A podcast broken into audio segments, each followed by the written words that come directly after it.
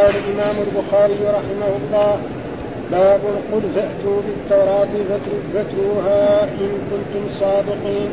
قال حدثني إبراهيم بن المنذر قال حدثنا أبو طمرة قال حدثنا موسى بن عقبة عن نافع عن عبد الله بن عمر رضي الله عنهما أن اليهود جاءوا إلى النبي صلى الله عليه وسلم برجل منهم امرأة قد زنيا فقال لهم كيف تفعلون بمن زنى منكم؟ قالوا نحملهما ونضربهما فقال لا تجدون في التوراة الرجل فقالوا لا نجد فيها شيئا. فقال لهم عبد الله بن سلام كذبتم فأتوا بالتوراة فاتلوها إن كنتم صادقين. فوضع مدراسها الذي يدرسها منهم كفه على آية الرجم فطفق يقرأ ما دون يده وما وراءها. آية الرجم فنزع يده عن آية الرجم فقال ما هذه؟ فلما رأوا ذلك قالوا هي آية الرجم فأمر بهما فرجما قريبا من حيث موضع الجنائز عند المسجد. فرأيت صاحبها يجمع عليها يقيها الحجارة. باب كنتم خير أمة أخرجت للناس. قال حدثنا محمد بن يوسف عن سفيان عن ميسرة عن أبي حاسم عن أبي هريرة رضي الله عنه.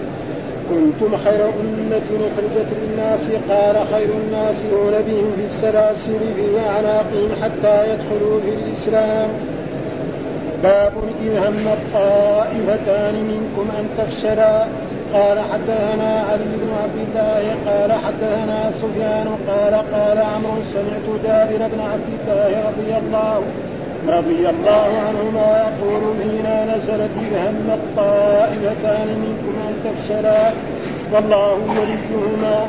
قال نحن الطائفتان بنو حارثة وبنو سلمة وما نحب وقال سفيان وقال سفيان مرة وما يسرني أنها لم تنزل بقول الله والله وليهما. باب ليس لك من الأمر شيء قال حدثنا حبان بن موسى قال أخبرنا عبد الله قال أخبرنا معمر عن الزهري. قال حدثني سالم عن أبيه أنه سمع رسول الله صلى الله عليه وسلم إذا رفع رأسه. إذا رفع رأسه من الركوع في الركعة الآخرة من الفجر يقول اللهم لعن فلانا وفلانا وفلانا بعدما يقول سمع الله لمن حمده ربنا ولك الحمد. فأنزل الله ليس لك من الأمر شيء. إلى قوله فإنهم ظالمون. رواه إسحاق بن راشد عن الزهري. قال حدثنا موسى بن إسماعيل قال حدثنا إبراهيم بن سعد. قال حدثنا ابن شهاب عن سعيد بن المسيب وأبي سلمة بن عبد الرحمن عن أبي هريرة عن أبي هريرة رضي الله عنه أن رسول الله صلى الله عليه وسلم كان إذا أراد أن يدعو على أحد أو يدعو لأحد قنت بعد الركوع فربما قال إذا قال سمع الله لمن حمده اللهم ربنا لك الحمد اللهم أنجي الوليد بن الوليد. وسلمة بن هشام وعياش بن أبي ربيعة. اللهم اشفد وطأتك على مضر على سنين كسن يوسف. يجهر بذلك وكان يقول في بعض صلاته في صلاة الفجر. اللهم العن فلانا وفلانا بأحياء من العرب حتى أنزل الله. ليس لك من الأمر شيء شيء. الايه طيب أعوذ بالله من الشيطان الرجيم. بسم الله الرحمن الرحيم. الحمد لله رب العالمين والصلاة والسلام على سيدنا ونبينا محمد وعلى آله وصحبه وسلم أجمعين.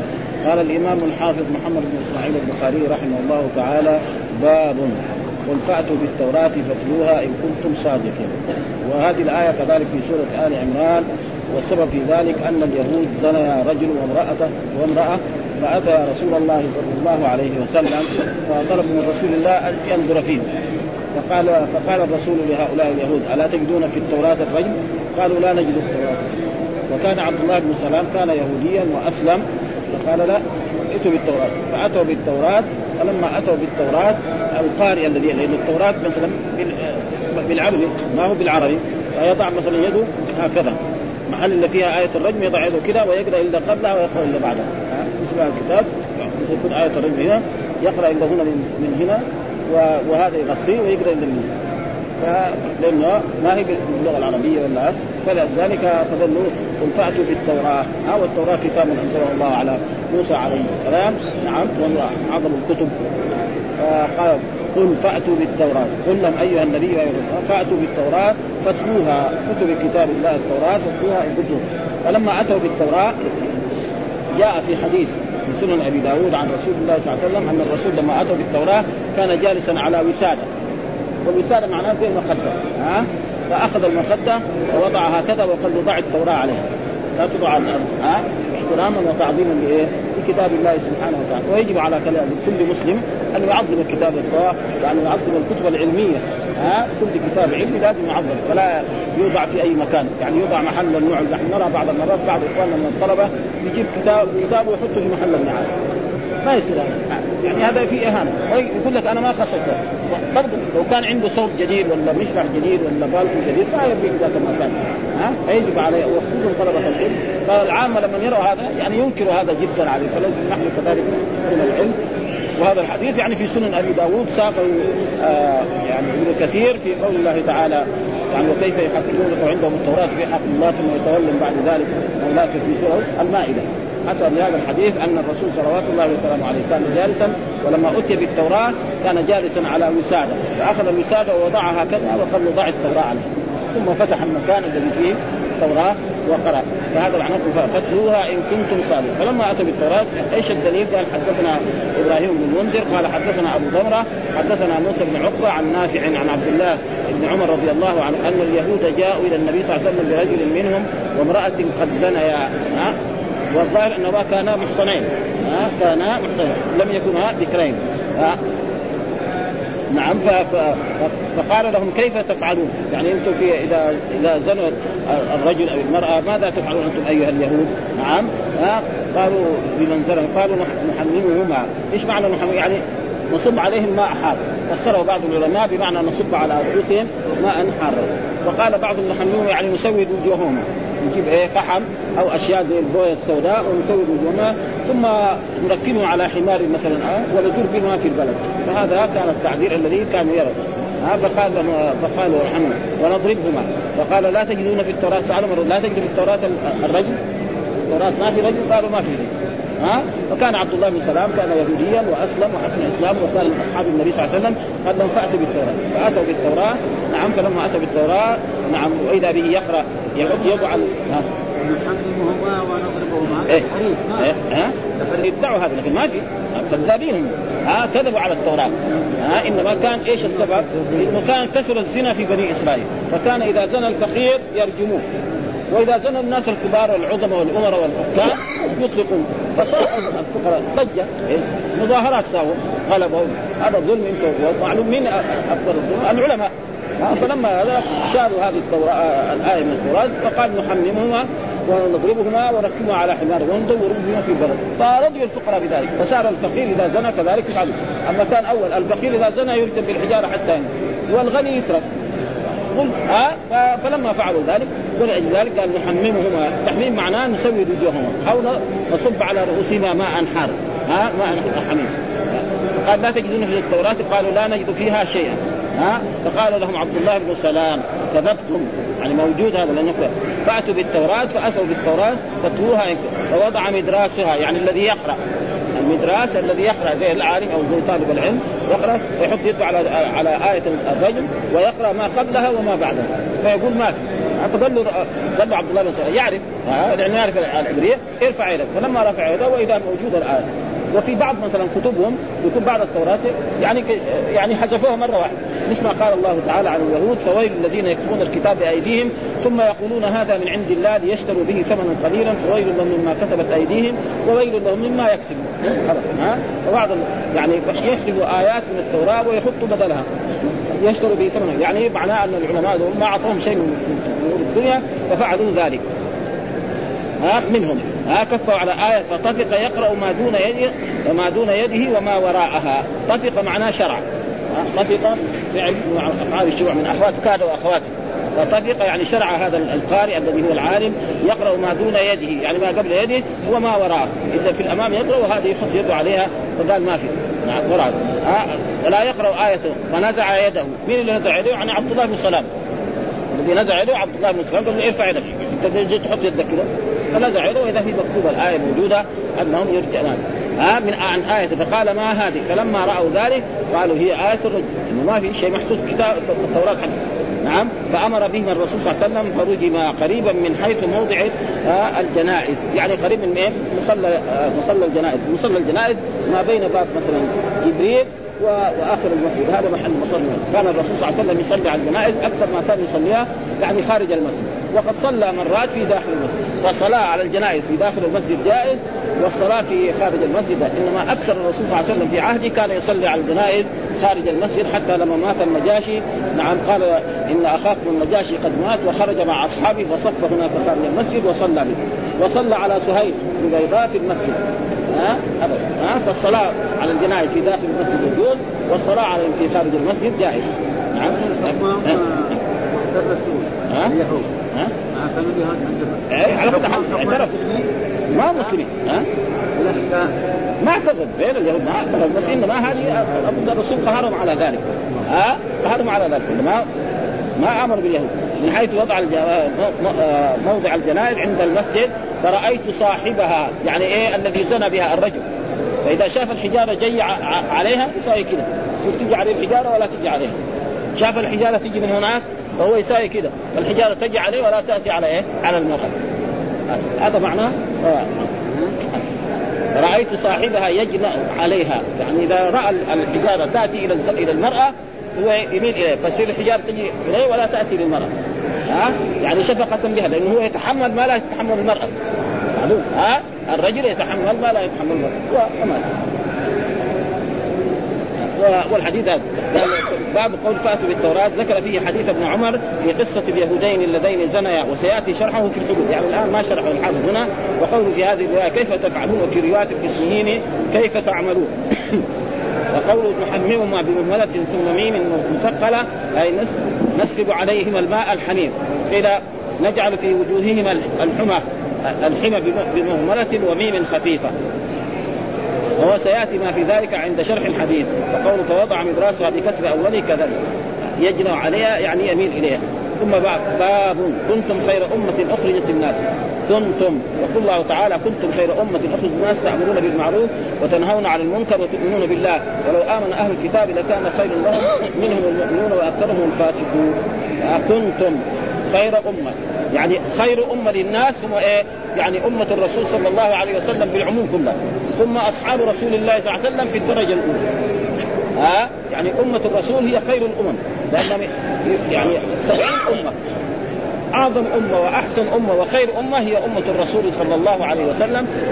ثم هذه الخيرية تقع في أصحاب الرسول في الدرجة الأولى. ها؟ لأنهم هم الذين إيه؟ قادوا فتحوا البلاد الإسلامية وادخلوا في في الاسلام الجمع الكثير، يعني ما في ناس ادخلوا في الإسلام مثل ذلك، حتى كانوا يسوقون الناس يعني بالسلاسل ويدخلوهم في الإسلام. ها؟ يتم كلامهم بجهاد في سبيل الله. فلذلك قال كنتم خير أمة أخرجت الناس تأمرون بالمعروف، الأمر بالمعروف إيش معناه؟ المعروف كل شيء أمر به الشرع. هذا معنى المعروف. ويدخل فيه جميع الأحكام الشرعية. ها؟ فيدخل فيه التوحيد والصلاة والزكاة والصيام والحج. وبر الوالدين والصيام في يوم الخميس أو غير ذلك أو الصدق كل هذا يدخل إيه؟ تحت الأمر وتنهون عن المنكر، المنكر كل شيء أنكره الشرع، ويدخل في ذلك في الدرجة الأولى الشرك الأكبر والشرك الأصغر والمعاصي والذنوب. وتنهون عن وتؤمنون بالله. ولو آمن أهل الكتاب لكان خيرا لو كان آمن أهل لكن أهل الكتاب ما امن بل قالوا إن هذا الرسول محمد لم يبعث إلى إلى اليهود والنصارى إنما بعث إلى الأميين إلى العرب. فإيش الدليل؟ قال حدثنا محمد بن يوسف عن سفيان عن ميسر عن أبي حازم عن أبي هريرة رضي الله تعالى عنه قال كنتم خير أمة أخرجت الناس قال خير الناس للناس خير الناس للناس. ها تأتون بهم في السلاسل في اعناقهم حتى يدخلوا في الإسلام. ها فالرسول صلى الله عليه وسلم وأصحابه أول ما كانوا في مكة. ها ثم توجهوا بعد ذلك هاجروا هاجروا إلى المدينة. ودخل الناس في المدينة الإسلام. ثم توجهوا كذلك للجهاد في سبيل الله. ودخلوا الناس في الإسلام. الإسلام ما توفي الرسول صلوات الله وسلامه عليه إلا وجزيرة العرب كلها أصبحت إسلام. ثم بعد ذلك أصحاب الرسول صلى الله عليه وسلم أبو بكر وعمر وعثمان وعلي قاموا بهذه المهمة غير القيام. وما مضت تقريبا أقل من 100 سنة حتى وصل الإسلام إلى الصين. بين مكة والمدينه فين والصين فين؟ مسافة بعيدة. وكذلك إلى الغرب وصل إلى فرنسا. ولولا الغلطات التي غلطها بعض القوات في ذلك العهد لكان أوروبا كلها أصبحت مسلمة. ولذلك قال خير الناس يأتون بهم في السلاسل في أعناقهم حتى يدخلوا الجنة. وهذا شيء مشاهد ولأجل ذلك يعني أصحاب الرسول صلى الله عليه وسلم ولذلك جاء في الحديث لا تزال طائفة من أمتي على الحق منصورة لا يضرهم من خالفهم ولا من خذلهم حتى يأتي أمر الله. وهذه الأمة الخير فيها إلى يوم القيامة. إنما قد يقلون في بلد ويقلون في بلد وإلا الخير في هذه الأمة موجود إلى أن تقوم الساعة. بس هنا آه يعني الحديث كان أبو هريرة أوقفه. ما قال عن رسول الله؟ ها؟ آه قال إيه؟ عن أبي هريرة رضي الله تعالى عنه كنتم خير. وهو موقوف. لكن في روايات أخرى يعني مرفوع أن الرسول الذي قال هذا ها أن الرسول الذي قال ذلك قال باب كنتم خير أمة ذكر في حديث أبي هريرة في تفسيرها غير مرفوع اللي فسر الآية بهذا مين؟ أبو هريرة في هذا الحديث الذي ساقه الإمام البخاري لأنه قال عن أبي هريرة كنتم خير قال خير الناس للناس هذا كلام مين؟ لأنه كلام إيه؟ ابي هريرة ها ولكن في حديث آخر أن الرسول هو الذي قال ذلك تاتون بهم في السلاسل حتى يدخلوا الجنة. وقد تقدم في في اواخر الجهاد من وجه آخر مرفوعا. وهنا رواه الإمام البخاري موقوف وهو يرد قول من تعقب البخاري فقال هذا موقوف لا معنى لإدخاله. وسف عن ميسرة وهو ابن عمار الأشجعي كوفي ثقة ما له في البخاري سوى هذا الحديث. ها؟ يعني ما له في البخاري سوى هذا الحديث وحديث آخر في بدء الخلق ويأتي في النكاح. يعني ما له إيه إلا في في هذا إلا هذه. وكذلك يعني وهذا وهناك ناس فسروا هذا كنتم فهي خاصة لأصحاب محمد صلى الله عليه وسلم. ها ومن صنع مثلهم يعني عمر بن الخطاب يقول هذا الحديث خاص بأصحاب النبي صلى الله عليه وسلم ومن صنع مثله ودائما اللفظ بعموم إيه؟ اللفظ لا بخصوص السبب فسر عمر بذلك. كل من سار على نهج رسول الله صلى الله عليه وسلم فإنه قال بعضهم بإسناد جيد هم الذين هاجروا مع النبي صلى الله عليه وسلم. وهذا أخص لأن الذين هاجروا ناس قليلين بالنسبة. نعم. وللطبراني من طريق قال نزلت في ابن مسعود وسالم مولى أبي حذيفة وأبي بن كعب ومعاذ يعني بعض بعض المفسرين يفسر القرآن يقول هذه الآية نزلت في هؤلاء في عبد الله بن مسعود وسالم مولى أبي حذيفة وأبي بن كعب ومعاذ بن جبل وهذا موقوف فيه انقطاع وهو أخص مما قبله. وقال بعضهم قال كان من قبلكم لا يأمن هذا في بلاد هذا ولا هذا في بلاد هذا فلما كنتم أنتم أمن فيكم الأحمر والأسود. معلوم أنه قبل بعثه الرسول محمد صلى الله عليه وسلم. الناس لا يامن بعضهم الذي يكون في الجهة الشرقية لو جاء الجهة الغربية ياخذوا والذي يكون في الجهة ابدا. ها؟ فلما جاء الرسول صلى الله عليه وسلم وجاء الإسلام امن واحد. حتى أخبر الرسول أنها تقوم الضعينة من حضرموت إلى مكة. لا تخشى إلا الله. وهذا كثير عن وعن ابي أنه لم تكن أمة أكثر استجابة في الإسلام من هذه الأمة. لذلك جاء في الأحاديث الصحيحة أن أهل الجنة كم؟ 100 صف. صف من هذه الأمة. 80 صف من هذه الأمة. بقي كم؟ 20 يعني 20 صف من آدم إلى عيسى في العشرين الصف. و80 صف من هذه الأمة. ولذلك الرسول جاء في أحاديث انه يعني يرجو أن يكون أهل من أمته أكثر من ثلث أهل الجنة. كلما يكون من أمة الرسول صلى الله عليه وسلم. ومن القرن الثاني أقل من من الثلث. أنتم متممون سبعين أمة أنتم خيرها وأكرمها على الله وهو حديث حسن صحيح أخرجه الترمذي وحسنه. وابن ماجه يعني أنتم توفون سبعون أمة. أي أمة؟ الأمة التي تقدمت كلها كانت سبعين. أعظم أمة وأفضل أمة هي أمة الرسول صلى الله عليه وسلم. وله شاهد مرسل عن قتادة عند الطبري ورجاله ثقات أن قال وجعلت أمتي خير الأمم. ثم ذاك باب كمان. إذا هم الطائفتان منكم أن تفشلا. إذا هم الطائفتان منكم أن تفشلا. والآية برضها في سورة آل عمران. الآية في سورة آل عمران والأحاديث كل والآيات كلها اللي بيشرحها الآن هي في سورة آل عمران. وأول أول الآية اللي قبلها يتبوأ المؤمنين مقاعد للقتال. نعم. بعد ذلك قال إذا هم الطائفتان منكم منكم أن تفشلا. ما هم الطائفتان؟ قال بنو حارثة وبنو سلمة. فإن إيش السبب في ذلك؟ أن الرسول صلوات الله وسلامه عليه لما علم أن قريش جاءوا لغزوة أحد لغزو الرسول صلى الله عليه وسلم لأنه في بدر انتصر الرسول على قريش وقتل الرسول سبعين وأسر سبعين فرجعوا إلى مكة بالخزي والعار وال... والأموال التي كانت للتجاره التي نجت من أصحاب الرسول. جميع الأموال هذه قالوا لازم إيه؟ نجمعها ونشتري بها أسلحة ونحارب محمد بهذه الأموال. وهذه كانت في السنة الثانية. يعني بدر في السنة الثالثه في شوال بعد ما جمعوا أموالهم ورجالهم وكانوا ثلاثة آلاف رجل. قريش كانوا ثلاثة آلاف. الرسول وأصحابه كانوا في الأول أول ما خرجوا كانوا ألفا يعني خرجوا من المدينة قبل أن يصلوا إلى إلى أحد كانوا ألفا وفي نصف الطريق رجع السدس. بقي كم؟ 700 هذول ثلاثة آلاف وعندهم من الخيل يعني مئة فرس قريش. فلأجل ذلك قال إذا همت طائفتان منكم أن والسبب في ذلك أن الرسول صلوات الله وسلامه عليه لما علم أن قريش جاءت لغزوة أحد شاور أصحابه أصحابه ماذا نفعل؟ فقال عبد الله بن أبي بن سلول الذي هو رئيس المنافقين تبين في الأخير قال لا نحن نجلس في المدينة. فإذا جاءوا إلى المدينة وغزونا نحن إيه؟ نقاتلهم والنساء يضربونهم بإيه؟ بالحجار من إيه؟ من الاسلحه ثم بعد ذلك الرسول شاور بعض الصحابة قالوا لا نخرج اليهم لأنه في بعض من الصحابة لم إيه لم يدركوا غزوة أحد بدر.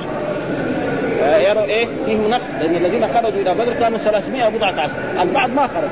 ها فهذول كان عندهم وشباب يعني عندهم شجاعة فقالوا لا نخرج اليهم ثم بعد ذلك الرسول صلوات الله وسلامه عليه دخل بيته ولبس لامة الحرب سلاح الحرب وخرج. فلما خرج قالوا لا يكون نحن يعني يعني ألزمنا الرسول على الخروج ثم بعد ذلك الرسول قال إذا لبس نبي الله الحرب لا بد حتى يقضي الله بينه وبين عدوه. فخرج الرسول صلوات الله وسلامه عليه وخرج معه أصحابه وكانوا يقدروا مثلا بألف. ثم في بعض الطريق رجع عبد الله بن أبي بن سلول بثلث الجيش. قال إيه يسمع كلام الناس الشباب ولا يسمع كلامي أنا؟ آه لأنه هو كبير. ها آه لقومه فرجع فصير باقي كم 700 وهذا معناه ومن الذين هم الطائفتان قال بنو حارثة وبنو سلم هذول هم كانوا إيه؟ لكن مع ذلك يعني آه جابر بن عبد الله يقول لا آه إن الآية هذه يسرنا نزولها ليه؟ لأن الله قال والله وليهما. ما في شيء ها؟ يعني وان كان هذا لكن ما دام الله ولي هاتين الطائفتين فالمسألة طيبة. وهذا معنى إذا هم منكم أن تفشل والله وليهما فعلى الله فليتوكل المؤمن. إيش الدليل؟ قال حدثنا علي بن عبد الله قال حدثنا سفيان قال قال عمر قال عمرو وسمعت جاء ها عمرو بن دينار ها. عمرو بن دينار قال سمعت جابر بن عبد الله رضي الله عنهما يقول فينا نزلت إذ هم الطائفتان مثل الفشل والله وليهما. قال نحن الطائفتان بنو حارثة وبنو سلم طائفتان. ها؟ فهذه الطائفتان لأنه ما اراد أن يخرج ها؟ لكن هو الآية فيها والله وليهما ومعلوم الله ما يكون إلا ولي المؤمنين. ها؟ فلأجل ذلك هو برضه هذه الآية وإن كان نزلت في هذا في عتاب لهم ما دام الله وليهم قال وما نحب ها؟ وقال سفيان وما يسرني أنها لم تنزل بقول الله تعالى والله وليهما.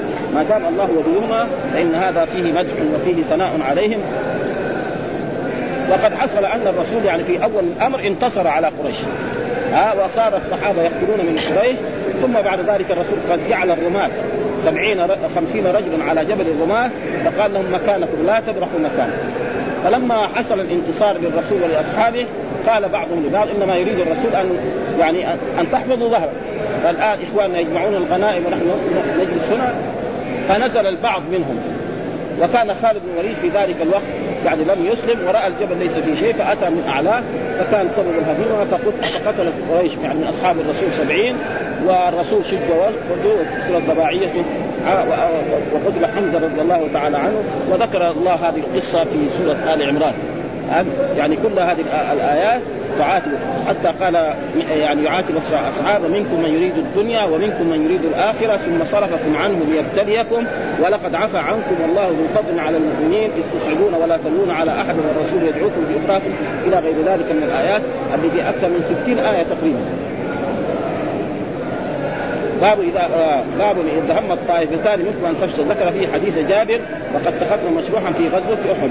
قول والله وليهما ذكر الفراء في قراءة ابن مسعود والله وليهم. في قراءة لكن القراءه المشهوره والله ولي. وهو كقول وإن طائفتان من المؤمنين اقتتلوا. يقول هنا يعني هو زي؟ لأن الطائفة الطائفه معناه جماعة. ها؟ طائفة معناها جماعة. زي مثلا الله قال وإن طائفتان من المؤمنين اختتلوا يعني لو كان على على القاعدة النحوية وإن طائفتان من المؤمنين اختتلا ها لكن الطائفة إيه؟ الطائفه معناها جماعة. يعني أكثر من اثنين يعني يمكن عشرة أو مية أو آلاف. ها؟ فلذلك اختتلوا الا لو كان عن لو كان لو قلنا مثلا آه ان المحمدين مجتهدان نقول. كذا نقول يعني. نسمي بين لكن لما كان الطائفة تشمل جماعة فقال اختتلوا هذا معناه. يعني طائفتان من المؤمنين اختتلوا وإذا لو كان على القواعد هذا لكن طائفة معناه جماعة. فلما كان معنى جماعة جاز أن يقول فيهم اقتتلوا. والا لو كان غير. لو واحد قال إن المحمدين مجتهدون ما يصح لازم يقول مجتهدان. ها؟ ف ها؟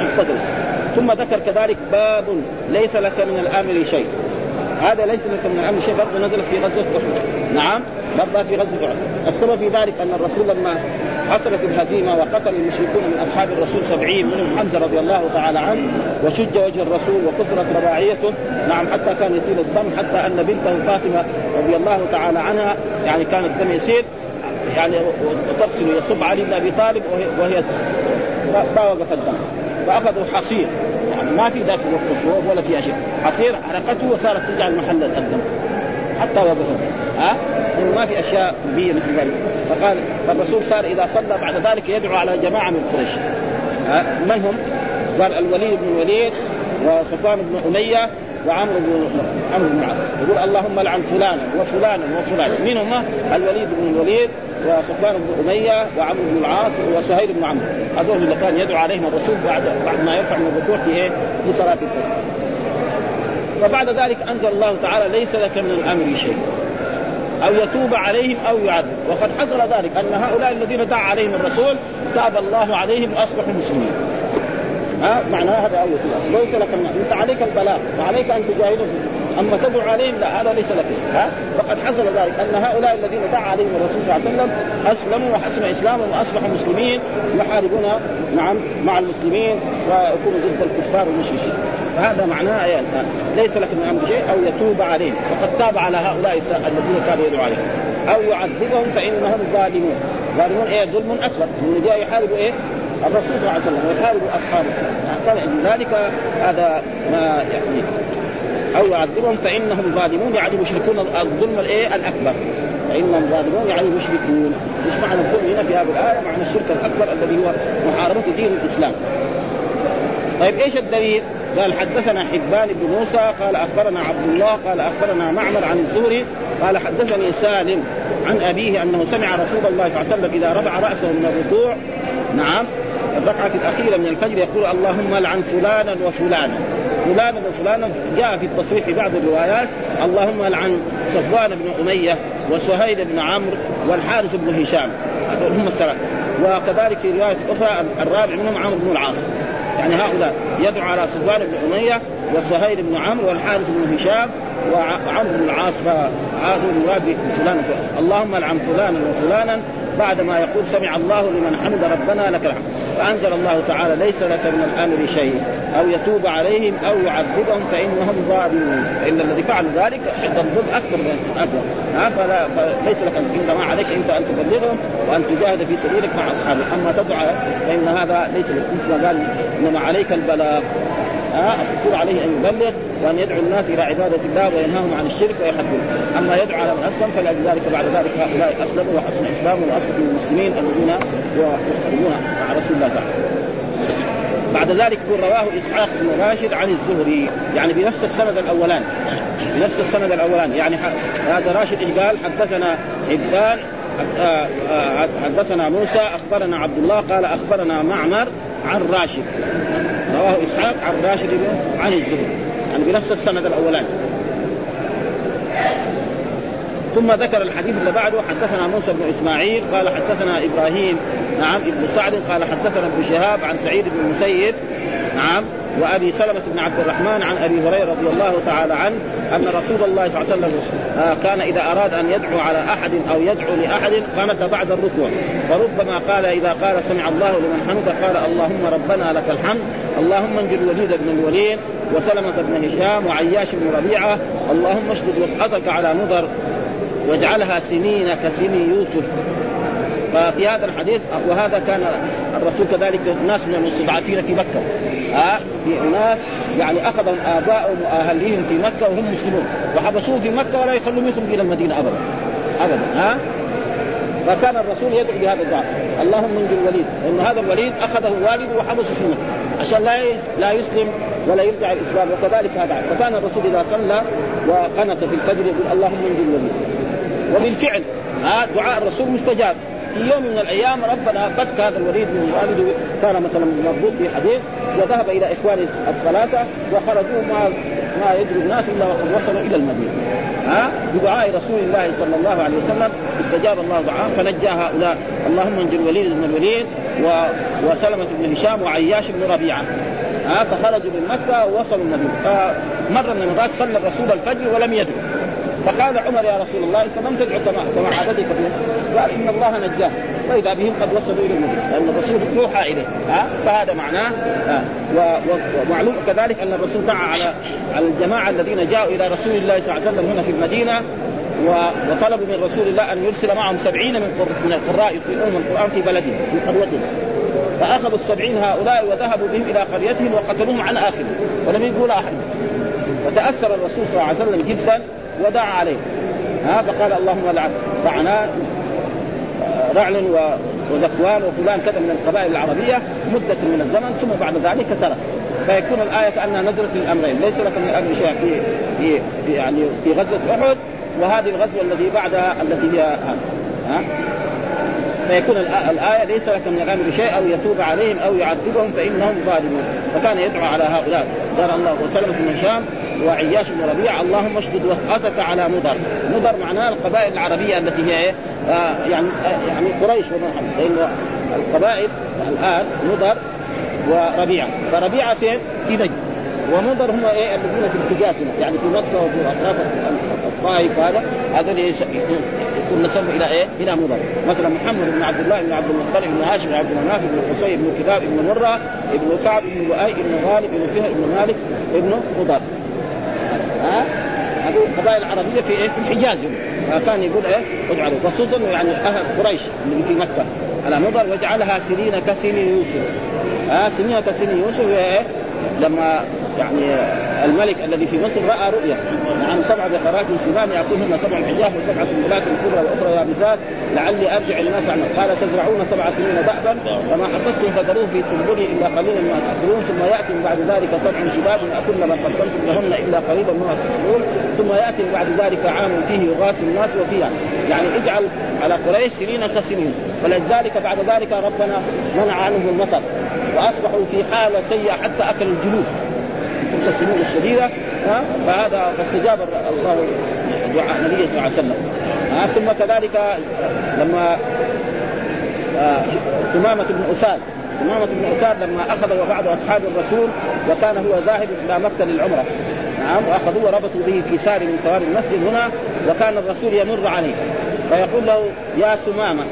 ها؟ فقال هو كان يقول يا يعني يقول للرسول صلى الله عليه وسلم إن تقتل تقتل ذا دم. يعني إذا قتلتني أنا فقتلت إنسان إيه؟ عظيم يعني. ان تمن تمن على شاة. وإن تريد المال أعطوك المال. لأنه أنا رجل ها؟ من أكبر القبائل بني حنيفه فكان الرسول يمر عليه المرة الأولى في اليوم الأول واليوم الثاني واليوم. فكان كذا يقول للرسول. يقول إن تمن تمن على شاة. وإن تقتل تقتل ذا وإن تريد المال ابائي يجيبوا لك. ما تبغى من الإبل تبغى من الذهب عشان يفكوني لاني أنا رجل عظيم. حتى في اليوم الثالث فانه دخل فيه الإسلام فأطلقه أمر الرسول اطلاقه فذهب إلى يعني الإسلام واغتسل وجاء وشهد أن لا إله إلا الله وأن محمدا رسول الله. ثم قال أنا كنت أريد يعني أعتمر. الجاهلية يحجون ويعتبرون لكن الحج ما هو صحيح. فيه نقصان كثير. فذهب إلى مكة فقالوا له صبأت؟ قال لما اسلم ثم قال للرسول صلى الله عليه وسلم إنه لا يأتيكم من من الحب الموجود في في اليمامة إلا بإيه؟ بأمر رسول الله صلى الله عليه وسلم. ومنع عنهم الحبوب كلها.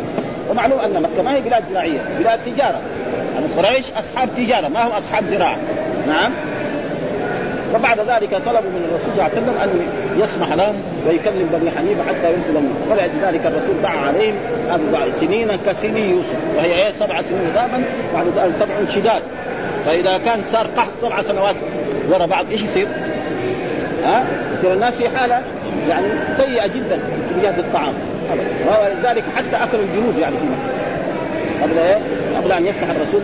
مكه وهذا ما جعلها سنين كسني يوسف. آه سنين كسني يوسف. آه يجر بذلك وكان يقول في بعض صلاته من صلاة الفجر اللهم لعن فلانا وفلانا وهم هؤلاء. آه صفوان بن أمية وصهيب بن عمرو وعمرو بن العاص نعم.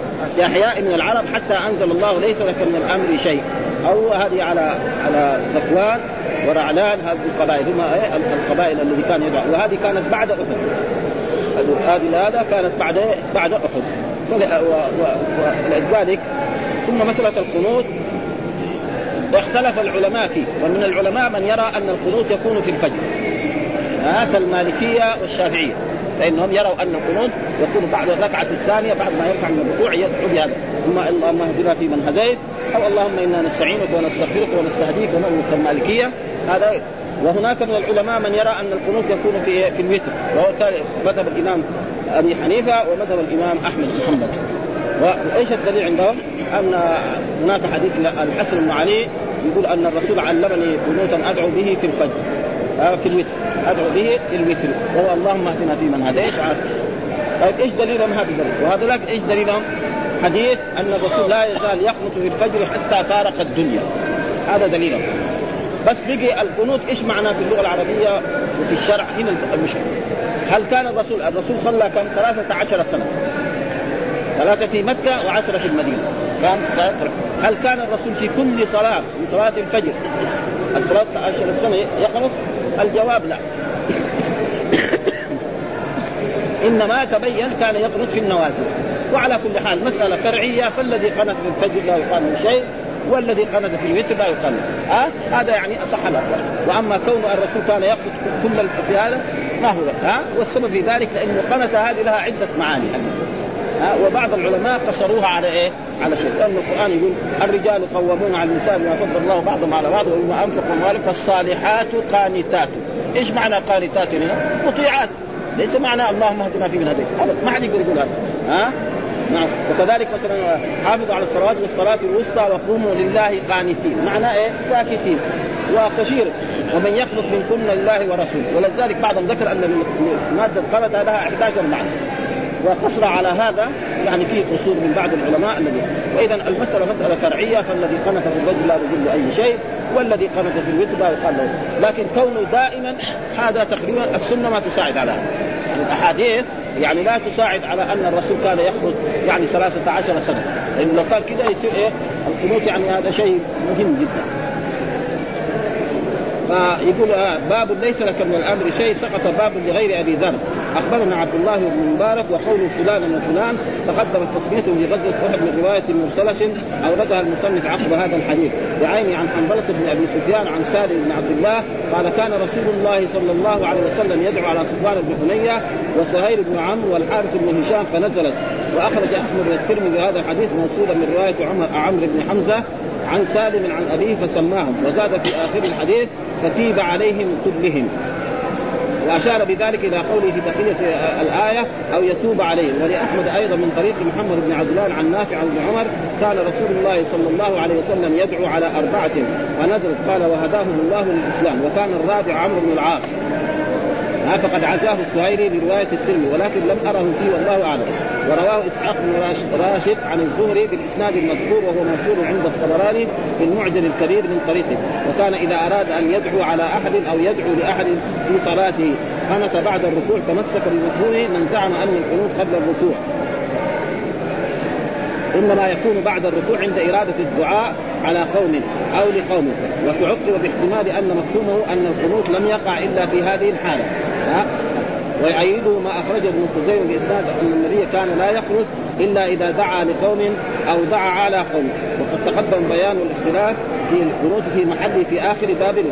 الوليد بن المغيرة وهو أخو خالد بن الوليد وكان ممن شهد بدرا مع المشركين وأسر وفدى نفسه. ثم أسلم فحبس بمكة ثم توعد هو وسلمة سلمة وعياش المذكورين معه وهربوا من المشركين فعلم النبي صلى الله عليه وسلم بمخرجهم فدعا لهم. فوصلوا فوصلوا هؤلاء الثلاثة إلى المدينة وترك الرسول الدعاء. رفع رسول رأسه من الركعه الأخيرة من صلاة الصبح صبيحة خمس, خمس عشر من رمضان. فقال اللهم انجي الوليد بن الوليد الحديث. وفيه فدعا بذلك خمسة عشر يوما حتى إذا كان صبيحة يوم الفطر ترك الدعاء. فسأله عمر فقال أو ما علمت أنهم قدموا قال بينما هو يذكرهم. انفتح عليهم الطريق يسوق, يسوق بهم الوليد بن الوليد وإصبعه وساق بهم ثلاثا على قدميه فنهد بين يدي النبي صلى الله عليه وسلم. وسلمة بن هشام ومغيرة. وكان في قصة أحد فكيف يتأخر الصلب عن ثم ظهر لي علة ظهر لي علة الخبر وأن فيه إدراجا وأن قوله حتى أنزل الله منقطع من رواية الزهري عمن بلغه. وقد ورد في سبب نزول الآية آخ... آه، في سبب نزول الآية شيء آخر. لكنه لا ينافي ما تقدم بخلاف قصة رعل وذكوان فعند أحمد ومسلم من حديث أنس أن النبي صلى الله عليه وسلم كتبت رباعيته يوم أحد وشج وجهه حتى سال الدم على الدم على وجهه فقال كيف يفلح قوم فعلوا هذا بنبيهم وهو يدعوهم إلى ربهم فأنزل الله تعالى ليس لك من الأمر شيئا آية وطريق الجمع بينه وبين حديث ابن عمر أنه دعا على المذكورين بعد ذلك في صلاته فنزلت الآية في الأمرين معا فيما وقع له من الأمر المذكور وفيما نشأ عنه من الدعاء عليهم وذلك كله في في أحد بخلاف قصة رعد وذكوان فإنهما أجنبية ويحتمل أن يقال إن قصتهم كانت عقب ذلك وتأخر نزول الآية عن سببها قليلا. نقرأ الباب اللي بعده. باب والرسول يدعوكم في اخراكم وهو تأنيث اخيكم وقال ابن عباس اخبر حسنين فتحا شهاده قال حدثنا عمرو بن خالد قال حدثنا سهيل قال حدثنا ابو إسحاق. قال سمعت البراء بن عازب رضي الله عنهما قال جعل النبي صلى الله عليه وسلم على الرجالة يوم أحد. يوم أحد عبد الله بن جبير واقبل منها سنين فذاك يدعوهم الرسول في أخراهم ولم يبق مع النبي صلى الله عليه وسلم. غير اثني عشر رجلا. باب الأمنة النعاسة. قال حدثني إسحاق بن إبراهيم بن عبد الرحمن ابو أبو يعقوب. قال حدثنا حسين بن محمد قال حدثنا شيبان عن قتادة قال حدثنا أنس ان ابا طلحة قال غشينا النعاس ونحن في مصافنا يوم أحد. قال فجعل سيفي يسقط من يدي وآخذه ويسقط وآخذه. باب الذين باب الذين استجابوا لله والرسول من بعد ما أصابهم القرح. والذين أحسنوا منهم واتقوا أجر عظيم. الجراح استجابوا وأجابوا يستجيب يجيب باب للذين قال لهم الناس إن الناس قد جمعوا لكم. الآية قال حدثنا أحمد بن صوراه قال حدثنا أبو بكر عن أبي حصين عن أبي الضحى عن ابن عباس حسبنا الله ونعم الوكيل قالها إبراهيم عليه السلام حين القي في النار وقالها محمد صلى الله عليه وسلم حين قالوا حين قالوا إن الناس قد جمعوا لكم فاخشوهم فزادهم إيمانا. وقالوا حسبنا الله ونعم الوكيل. قال حدثنا مالك بن إسماعيل قال حدثنا إسرائيل. عن أبي حصين عن أبي الضحى عن ابن عباس قال كان آخر قول إبراهيم حين ألقي في النار حسبي الله ونعم الوكيل. يقول هنا كمان باب والرسول يدعوكم في اخراكم أول الآية إذ تصعدون ولا تلوون على أحد والرسول يدعوكم في اخراكم إيش معناه؟ إذ تصعدون؟ معناه تصعدون فارين لما حصل غزوة أحد والرماة تركوا أماكنهم انتبه خالد أن الجبل ليس عليه شيء. فجاء من أعلى الجبل وكان السبب له فصار يضرب وهو أعلى والصحابة من أسفل. فكان هذا تفرى كثير من من الجيش. نعم. حتى لم يبقى مع رسول الله صلى الله عليه وسلم إلا 12 رجلا منهم أبو بكر وعمر وغير ذلك. فلذلك قال تصعدون إيش معنى تصعدون؟ يعني تفرون. ولا تنون بعضهم بعضهم رجع يمكن إلى المدينة والبعض منهم رجع إيه؟ طلع إلى الجبل. ذهب إلى الجبال الموجودة هناك أو إلى جبل أحد. وهذا معناه تصعدون ولا تنوون على أحد. يعني ولا تلتفتوا والرسول يدعوكم في اخراكم والرسول ينادي أي عباد الله؟ يناديهم يا عباد الله تعالوا. هذا معناه الرسول. يدعوكم في اخراكم فأثابكم غما. بغم فاثابكم غم غم بغم. غمين. اولا الهزيمة الذي حصلت لهم والقتل الذي حصل في إيه؟ في جماعته لأن الذين ماتوا من الأنصار أكثر. يعني أكثر الذين قتلوا في أحد كانوا من الأنصار. سبعين كلهم يمكن المهاجرين عدد قليل جدا. أكثر سبعين أكثر من الأنصار. منهم من مثلا من المهاجرين حمزة رضي الله تعالى عنه. قال سمعت البراء بن عازم رضي الله قال جعل النبي صلى الله عليه وسلم على الرجالة يعني ما هم راكبين على خيل إنما على رجل يحفظ إيه؟ الجبل. والجبل معروف الآن في جبل الرماة يسمى في هناك في شهداء أحد في أبنية قديمة.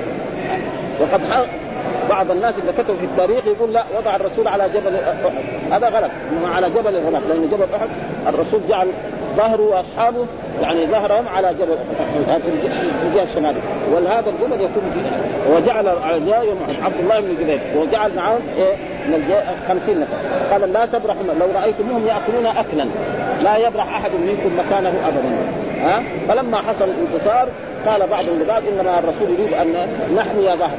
إخواننا يجمعون الغنائم ونحن نجلسون لا فقال لهم اميرهم لا تفعلوا فهذا فيه مخالفة لرسول الله صلى الله عليه وسلم. فالبعض منهم لم يسمع. الذين لم يسمعوا يعني كان يقدرون يقدرون ب 20 نفر. نحن ما نعرف عددهم على كل حال. يعني لو قدرنا ب 20 باقي إيه 30 ها فالله عاتبهم على ذلك. فعاتب المسلمين وعاتب الصحابة. منكم من يريد الدنيا ومنكم من يريد الآخرة. ثم صرفكم عنه ليبتليكم ولقد عفى عنكم. ها؟ الله ذو فضل على تصعدون ولا تنون على أحد والرسول يدعوكم في اخراكم فأثابكم غما بغم لكي لا تحزنوا على ما فاتكم ولا ما أصابكم. والله خبير ما تعملون. ثم أنزل عليكم من بعد الغم أمنة نعاسا يخشى طائفة منكم وطائفة أهمتهم أنفسهم يظنون بالله غير الحق. ظن الجاهلية يقولون هل لنا من الأمر؟ يعني بعض المنافقين قالوا هل لنا من الأمر من الأمر كله لله. يخفون في أنفسهم ما لا يبدون لك. يقولون لو كان لنا من الأمر شيء ما قتلنا هون يعني بعض المنافقين قال لو كان من الأمر شيء ما قتلنا. يعني محمد أتى بنا إلى أحد وصار قريش يقتل قال الله رد عنه قل لو كنت في بيوتكم لبرز الذين كتب عليهم القتل إلى مضاجعهم. وليبتلي الله ما في صدوركم ويمحص ما في قلوبكم. يعني لو واحد كتب عليه القتل في أحد وهو ما خرج للغزوة. والله أراد أنه يموت في أحد. ماذا بعد ما حصلت الهزيمة وحصل القتل يقول أنا أروح أشوف جماعتي مين قتل ومين باقي. فبينما هو يمشي هناك يجي له يجي له سهم فيقتل. ها؟ لأن الانسان إذا يبغى يموت في بلد بنفسه يروح للبلد. ربنا ما يأخذ. هو بنفسه ساوي جواز سفر في عصرنا هذا عشان يموت في بلد ما. ويروح هناك فاذا وصل إلى ذلك البلد ربنا يقدر له يعيش يوم يومين أو سنة أو سنتين أو عشرة نهار ما ابدا. ها, ها؟ لا يستأخرون ساعة ولا يستقدمون فلذلك عاد قال عبد الله واكبر المهاجرين فذاك إذ يدعوهم الرسول. يعني يناديهم الرسول في أخراهم. ولم يبق مع النبي غير اثني عشر رجلا.